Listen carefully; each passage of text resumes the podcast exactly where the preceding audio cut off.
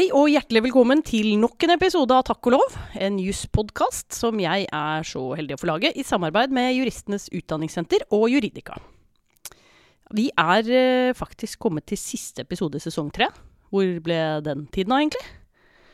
Jeg har iallfall storkost meg gjennom alle de rare spørsmålene vi har vært innom, og det tror jeg garantert jeg kommer til å gjøre i dag også. Vi skal nemlig snakke om helserett og personvern. Eh, helsevesenet vårt er jo alltid i vinden, men det har vel kanskje ikke fremstått så avgjørende viktig som i denne pandemien noen gang før, tror jeg. Men for å kunne behandle oss godt og holde liv og helse i oss da, så må jo dette vesenet vite ganske mye om oss. Og hvor blir det av alle opplysningene dette vesenet samler inn om oss? Hvor er de? Hva skal de brukes til? Hvem har tilgang til dem? Kan mine opplysninger brukes til å hjelpe noen andre? Og hvordan kan jeg skaffe meg oversikt over dette? Vi dårer kan jo som kjent spørre mer enn de aller fleste kan svare, men ikke når de er så vise som dagens gjest. Jeg har nemlig vært så heldig å få med meg min kollega, førsteamanuensis ved Universitetet i Oslo, Anne Kjersti Befring. Velkommen hit, Anne Kjersti. Tusen takk, Anine. Utrolig hyggelig å ha deg her. Eh, hvis jeg skal presentere deg for de som mot formodning ikke har fått med seg hvem du er i løpet av denne pandemien, så er det nesten lettere å begynne med hva du ikke har gjort. Men jeg skal prøve å ta med noen av de tingene du har gjort. Du er altså eh, fakultetets helseretts- og livsvitenskapsansvarlige. Du har doktorgrad i rettslige sider av persontilpasset medisin. Du har nylig kommet ut med en artikkelsamling om kunstig intelligens og big data i helsesektoren. Tidligere har du jobbet som advokat, du har vært eh, direktør i Legeforeningens juridiske avdeling, leder i Helse- og omsorgsdepartementet og jobbet i Helsedirektoratet og Helsetilsynet. Og, har jeg funnet ut eh, nå, eh, ganske nylig, du har vært lensmannsbetjent i Gloppen. Dette er helt sentrale kvalifikasjoner for å ha kommet deg dit du er i dag. Så jeg er veldig glad for det. Um, vi prøver jo å introdusere gjesten vår på en litt uh, artig tone med et uh, fun fact som uh, vi har prøvd å oversette for å tekke Språkrådet da, til et artig faktum. og det artige faktum, Jeg har flere artige fakta om deg. det første artige faktumet det er at du har danset klassisk ballett på TV. Stemmer dette? ja, hvem skulle trodd det? Nei, en røslig dame på 1,76. jeg, jeg har ikke sett det klippet. Det, kan vi finne det noe sted? Ja, kan mulig det. Google 'handle kjæreste' og klassisk ballett, så ser vi hva vi kommer opp med. Veldig bra. Ja, vi får bare ta valse oss videre inn i dagens eh, tema, som altså er eh, personvern og helserett. Personvern er jo et tema som vi er borti i mange ulike sammenhenger. Men kanskje er det sånn at det er ekstra viktig på helsefeltet fordi en del av de opplysningene som gjelder helsen vår, er, kan være ganske sensitive, iallfall. Um, ehm, hvilke ekstra regler er det egentlig vi har for personvernet? gjelder jo generelt, men er det noen ekstra regler i helsevesenet, eller helseretten? Ja, vi har veldig mange forskjellige typer regler som gjelder innenfor helse. Og ikke bare i Norge, men i i andre nordiske land og europeiske land. Fordi man må tilpasse reglene eh, de hensynene som gjelder innenfor helsetjenesten. Og det, det, man vil oppnå med det, er jo forsvarlig behandling.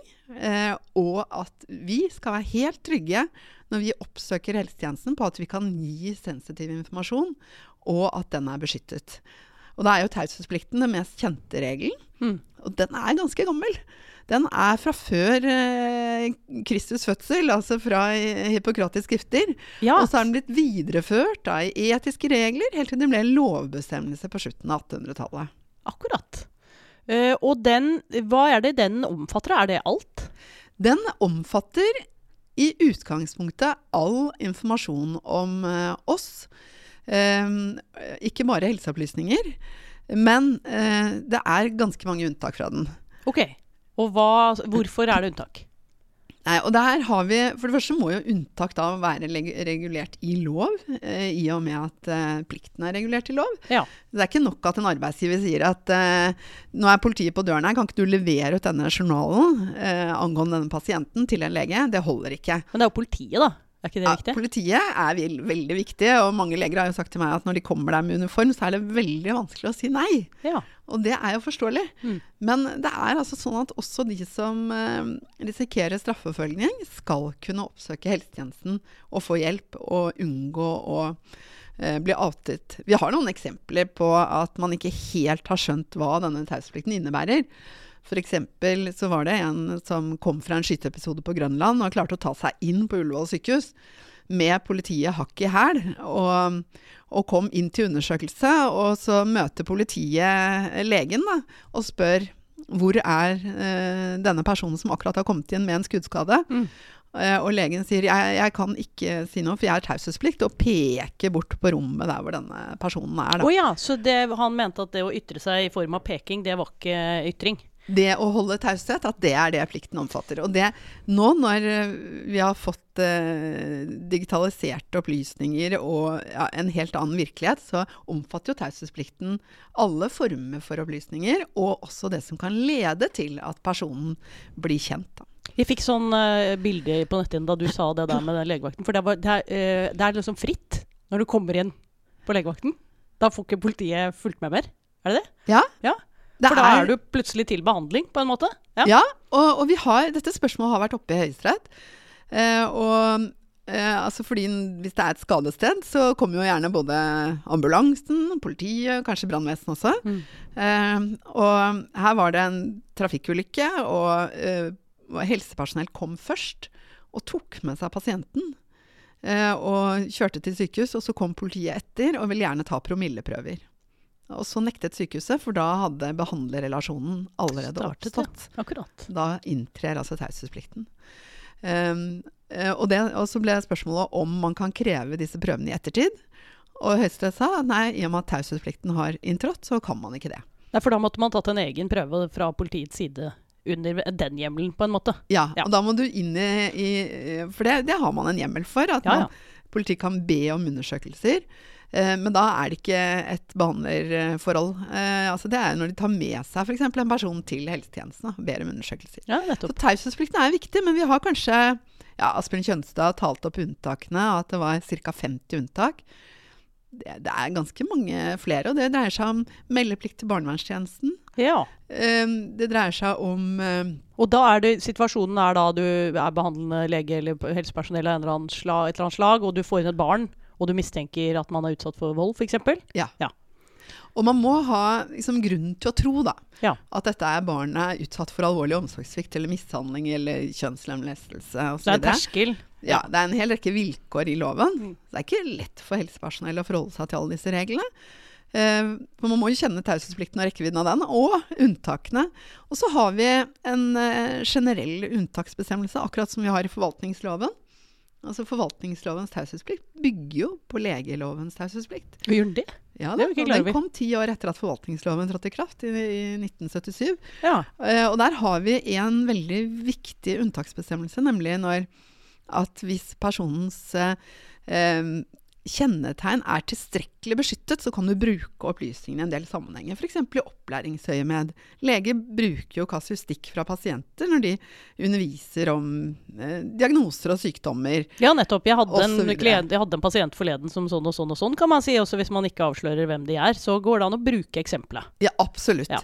Men så har jo noen misforstått dette. Selv i et, ja, Det er jo et offentlig utvalg om, som har vurdert eh, forvaltningsloven, som som tenker da at det må være helt anonymt.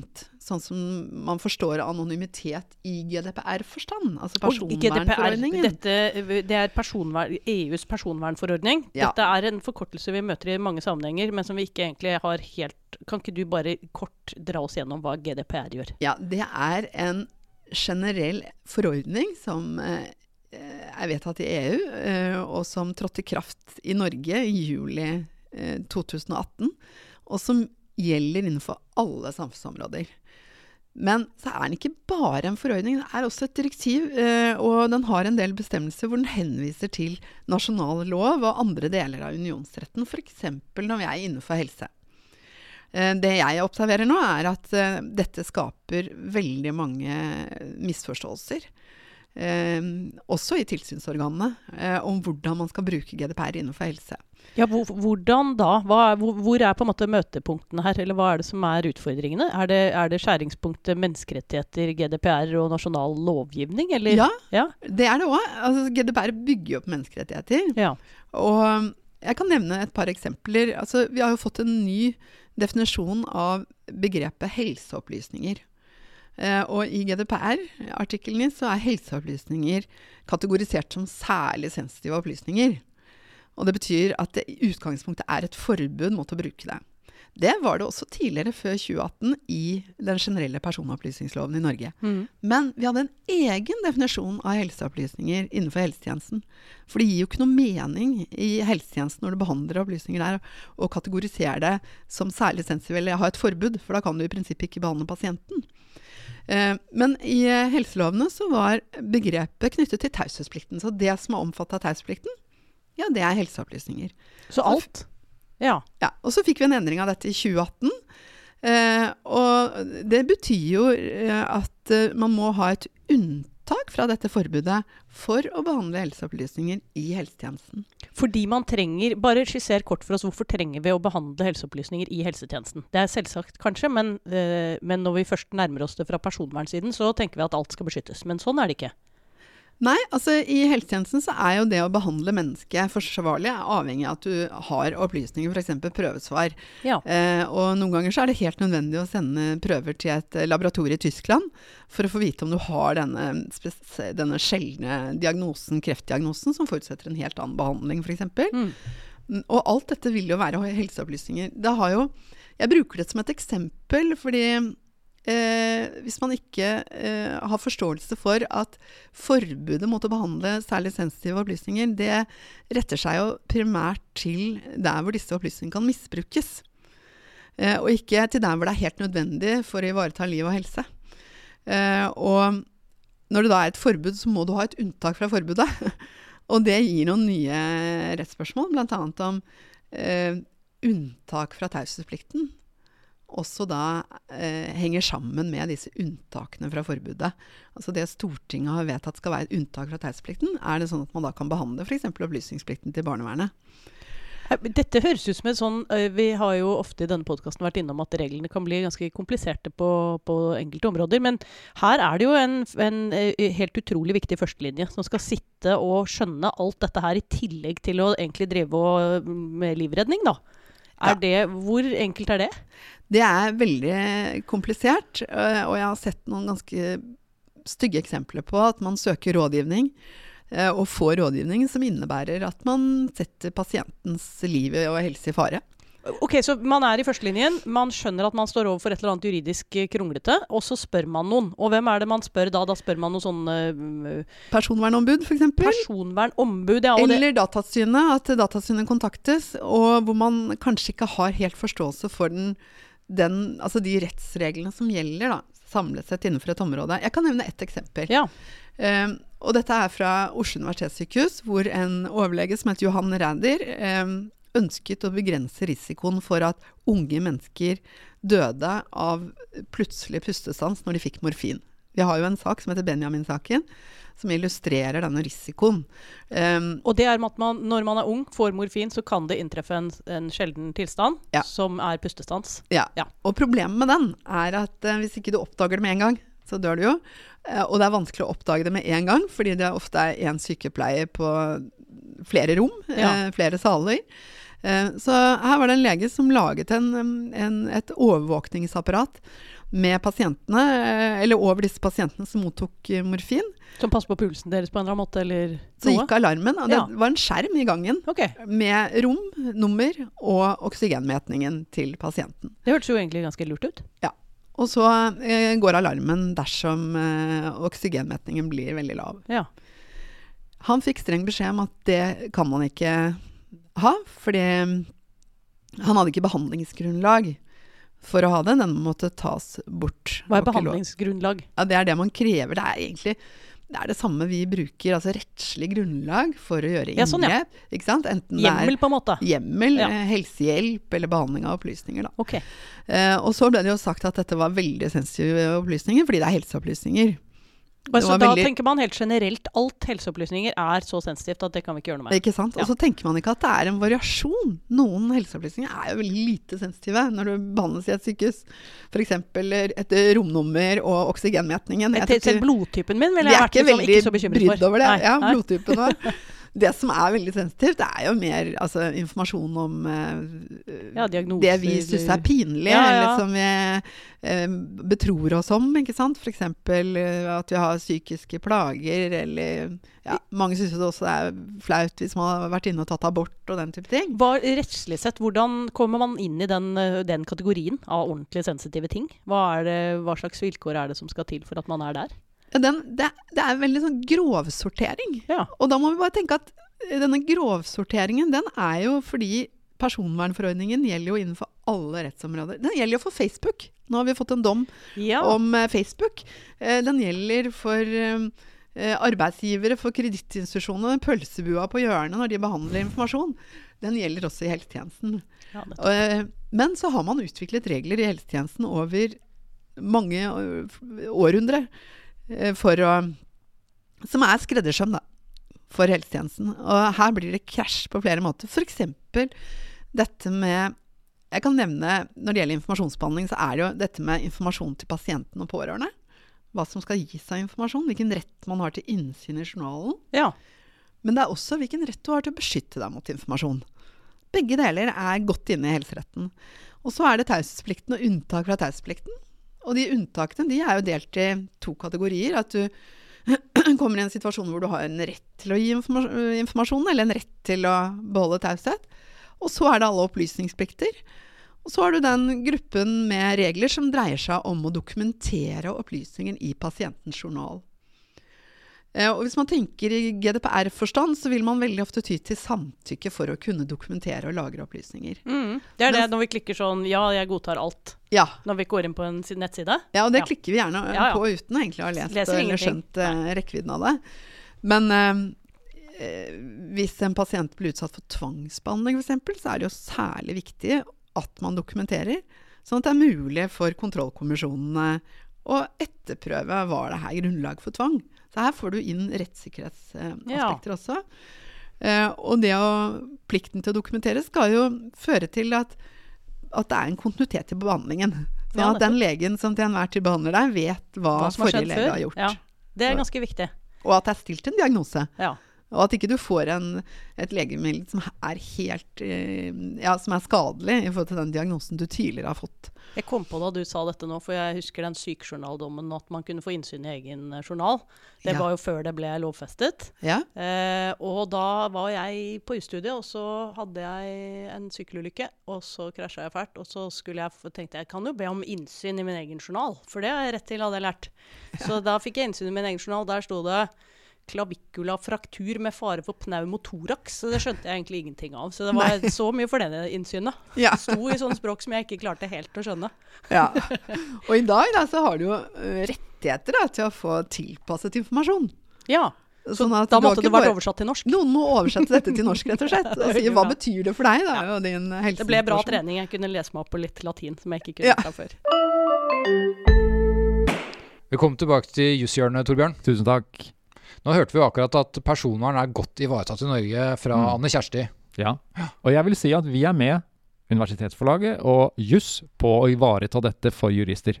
Ja, det vil jeg si. Og hvis du går inn på juridika.no, Mm. så kan du bl.a. finne lovkommentaren til personopplysningsloven og personvernforordningen, også bedre kjent som GDPR, Mm. skrevet av Åste Marie Bergseng Skullerud, Cecilie Rønnevik, Jørgen Skorstad og Marius Eng Pellerud. Og så har vi faktisk også en lovkommentar til pasientjournalloven og helseregisterloven, som er skrevet av Sverre Engelsjøen og Elisabeth Vigrust. Mm. Men hvordan er det på kurssiden? Hva har dere å tilby? Jo, jeg kan jo starte med å si at du, du sendte faktisk en av dine egne nyhetsredaktører til oss. Det stemmer det, og da endte vi med å skrive en eh, artikkel på Juridika Innsikt som heter 'Lynkurs nytt i personvernretten', så den er jo fin å få med seg. Absolutt. Og av andre ting. Så hvis du ønsker å få med deg alt du trenger å vite, så har vi samlet en rekke kurs innen personvern. For vi ser jo at eh, etterspørselen er veldig stor, og du finner derfor både eh, kurs på innføringsnivå og kurs som går dypere inn på den enkelte tematikk. Så jeg kan bl.a. nevne personvernsombudskurset 9. mars, personvern i praksis 2. juni og e-kurset personvern etter GDPR 24-7 kan du få tak i det. Er du mer interessert i den helsefaglige delen, så har vi også e-kurset innføring i helserett og det årlige helserettskurset som er 28. Ja, så her er det virkelig gode muligheter til å holde deg oppdatert gjennom hele 2021. Ja, vi holder jo også våre lovkommentarer løpende oppdatert. Mm. Eh, Så ja, det er det. Og det kommer jo nytt stoff, og det helt frem til kanskje vi går inn i en ny sesong med denne podkasten, for det er jo siste episode, Torbjørn. Det er det. Ja. Sesong fire, blir det noe av det? Ja, det gjør det hvis eh, lytterne våre fortsetter å høre på episodene. Sende oss innspill, og gjerne da på post.juridika.no. Da er jeg ganske sikker på at vi kommer dit at det blir en ny episode. Mm. Og det håper i hvert fall vi to som sitter her. Ja, absolutt. Men eh, vi må videre på det du nevnte Facebook der. eh, og da antar jeg at du kanskje sikter til Vi hadde jo en eh, dom i, i høst eh, om eh, hvor en helseapp ble ganske avgjørende. Eh, Jeg tenker på denne Bertheussen-saken. eh, hvor det og, og hvordan disse appene driver og lagrer De lagrer jo masse personopplysninger oss, om oss, Ja. også av sånn helsekarakter.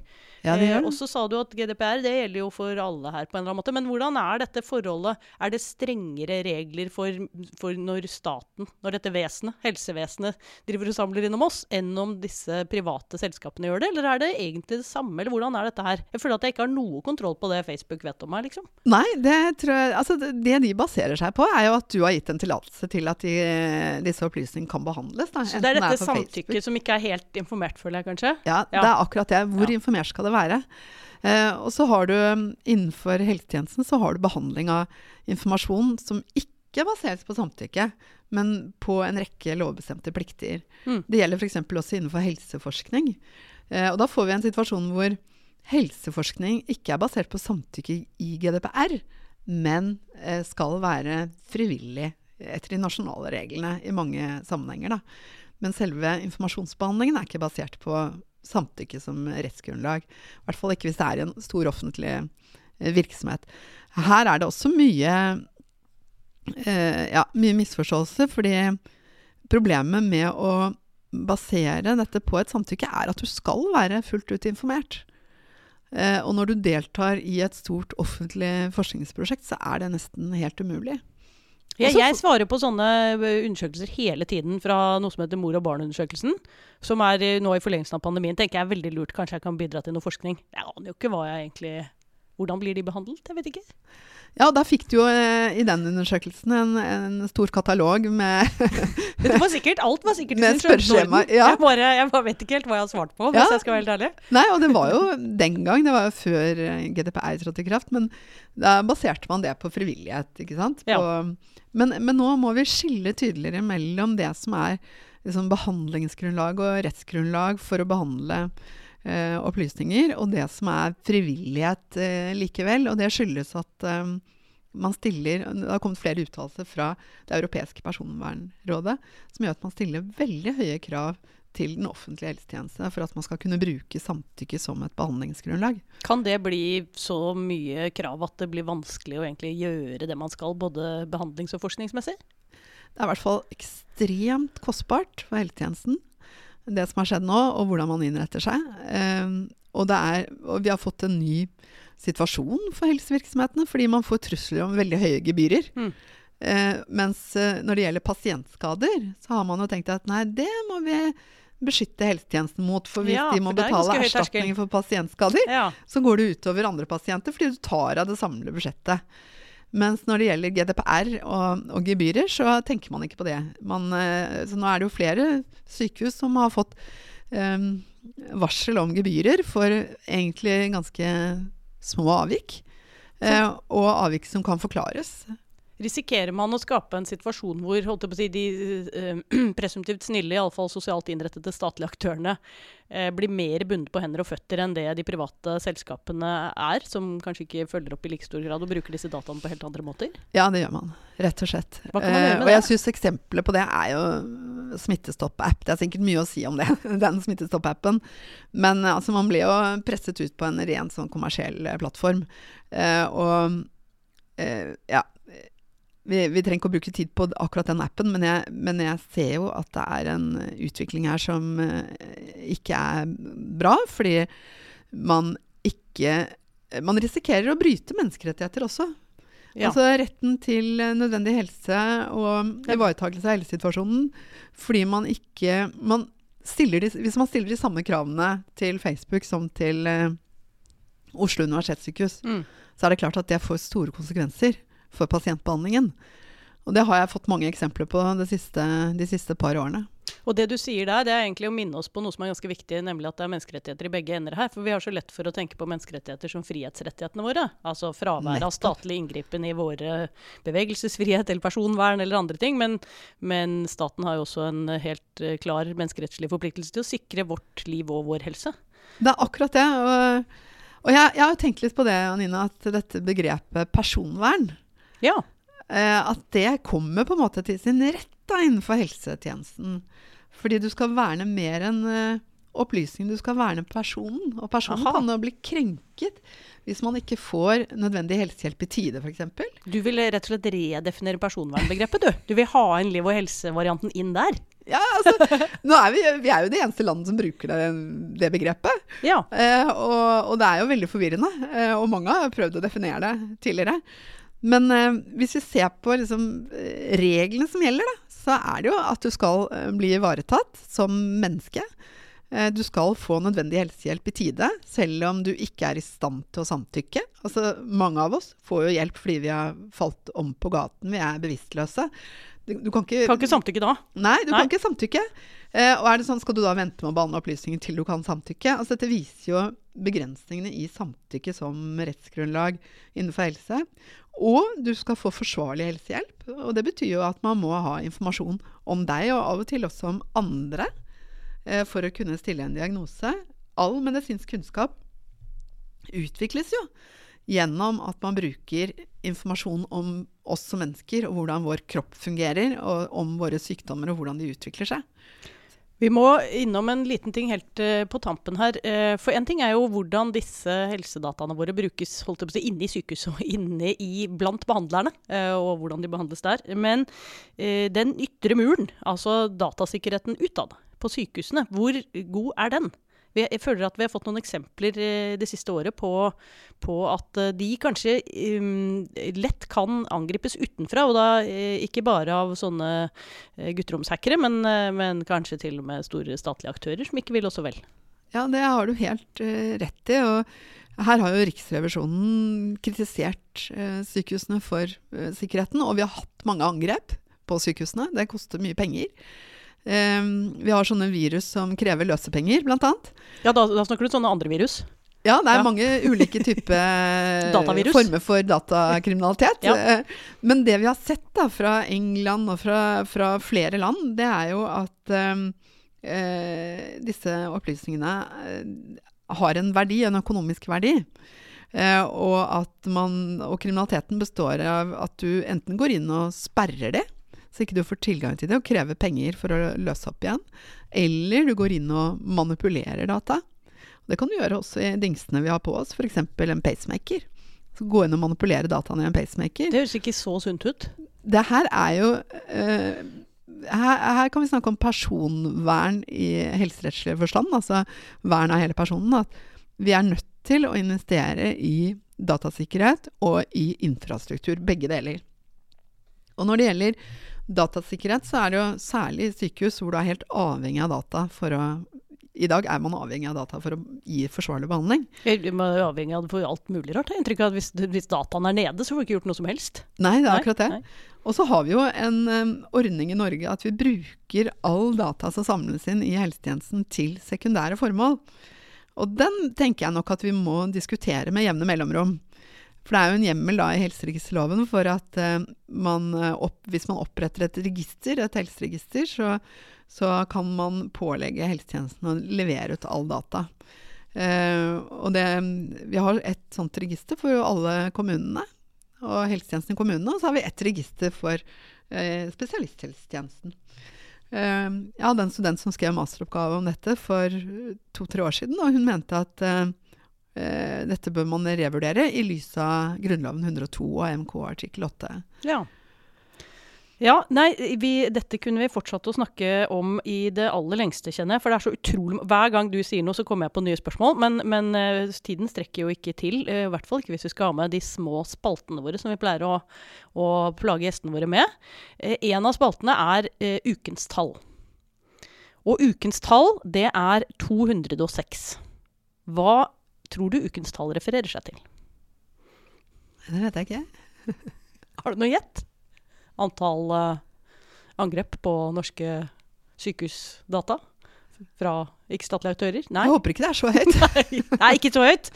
Dagens tall, 206, er det i hvert fall det jeg har fått oppgitt. Nå husker ikke jeg så godt dette, jeg husker jeg hadde det på skolen en gang, men antall ben i det menneskelige skjelett. Kan det stemme? Ja, det var jo lett å gjette, da. Det burde du jo visst, ikke sant? Ja. Men det er jo da eh, valgt fordi det er jo disse bena, sammen med margen, eh, som, eh, og alle de andre bestanddelene, som Ja. utgjør oss, og skaper de menneskene vi er, med våre rare særpreg, som alle skal beskyttes. Ja. Ja. Så derfor var det tallet med i dag. Vi har en eh, spalte også her i podkasten som heter eh, Har du hørt? Hvor vi inviterer gjesten vår til å dele en uh, historie som uh, hun eller han mener at lytterne våre burde ha hørt. Er, det kan være morsomt eller rart, eller er det noe du har opplevd i din uh, mangslungne karriere, får jeg si, som uh, du har uh, tenkt eller lyst til å dele med oss?